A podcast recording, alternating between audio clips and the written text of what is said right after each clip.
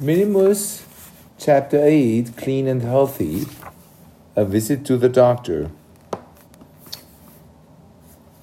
Salve, salvete, venite, sedete. Flavius explains that his eyes are sore. The doctor wants to examine them. Discumbe, oculos aperi. The doctor examines Flavius's eyes. He has an infection and will need an ointment and some pills. Impone tris per diem. Consume bis per diem. Gratias agimus.